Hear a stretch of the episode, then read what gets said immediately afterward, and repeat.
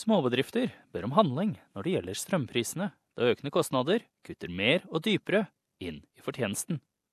Eier av Roasted Coffee, en kafé og et kaffebrenneri i Sydneys indre vest, Destiny Chouties, sier Um, so for us, our biggest costs are our overheads, so such as rent, our electricity, our labour, um, our cost of goods is our fixed, our biggest cost that we, we have at Roseville. Elektrisitet er nødvendig for å drive selskapets kjøling, belysning og den viktigste delen, kaffemaskinen.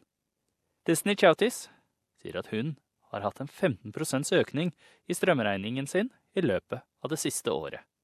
So it's become a, a big cost for us, um, something that I think causes a little bit of anxiety when you know the quarter's up. So it's uh, been a significant cost.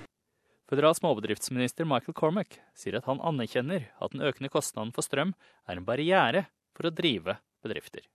I've spoken to, you know, a Bathurst laundry uh, service. You know, their energy prices were going up uh, more than double. And they were only a little firm, 35 people, but providing a really valuable linen service. Regjeringen vet at det er dårlig, og det gjør også industrirepresentanter som Peter Strong, daglig leder for Small Business Australia. It, it is a huge problem, and we're only seeing the tip of the iceberg. It's, we're, we're going to see a lot uh, worse impact over the next 12 months.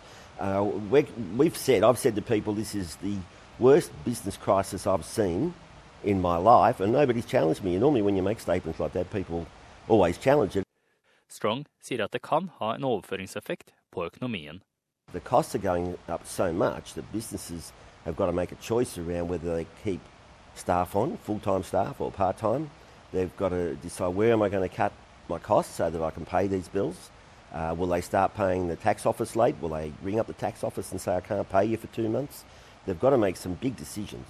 Manglende tilbud presser prisene opp, forverret av den nylige nedleggelsen av en rekke kullkraftverk og gassmangel på østkysten. Michael McCormack sier at den føderale regjeringen ønsker en balansert tilnærming. Renewables are fantastic. I'm, you know, all for hydroelectricity. Uh, I think that's great, and we need to uh, obviously use solar energy uh, and, and make sure that we absolutely have that as part of our mix. But we can't turn off coal uh, in the short term. We can't turn off coal when we have plenty of it. Regjeringen vurderer sitt svar til Finkel-rapporten, som anbefaler et klart mål for ren energi. Peter Strong fra Small Business Australia sier at han vil ha handling. Accept it and move ahead, and then be dexterous.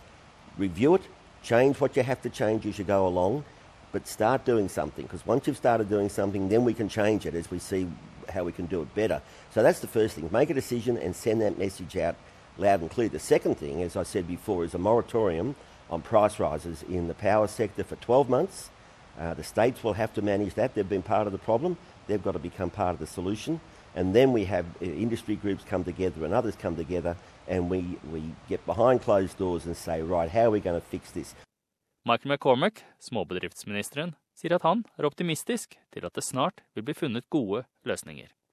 Well, I think given the fact that uh, Malcolm Turnbull had a long and earnest discussion with the energy regulators, I think we'll see some, some action very, very soon. Uh, in, I'm hoping weeks, not months. I mellomtiden er det opp til bedriftene å finne måter å redusere sin strømregning på. Rosedales Destiny Charities har installert energibesparende lyspærer og har begynt å se på andre løsninger også. There's not much that we can do, but we have recently just invested in solar panels, um, which we're not going to see a return probably in the next five years. However, that's a bit of a quest to um, reduce our fixed costs. Denne saken var laget av Ricardo Gonsalves på SBS norsk. Jeg er Frank Mathisen.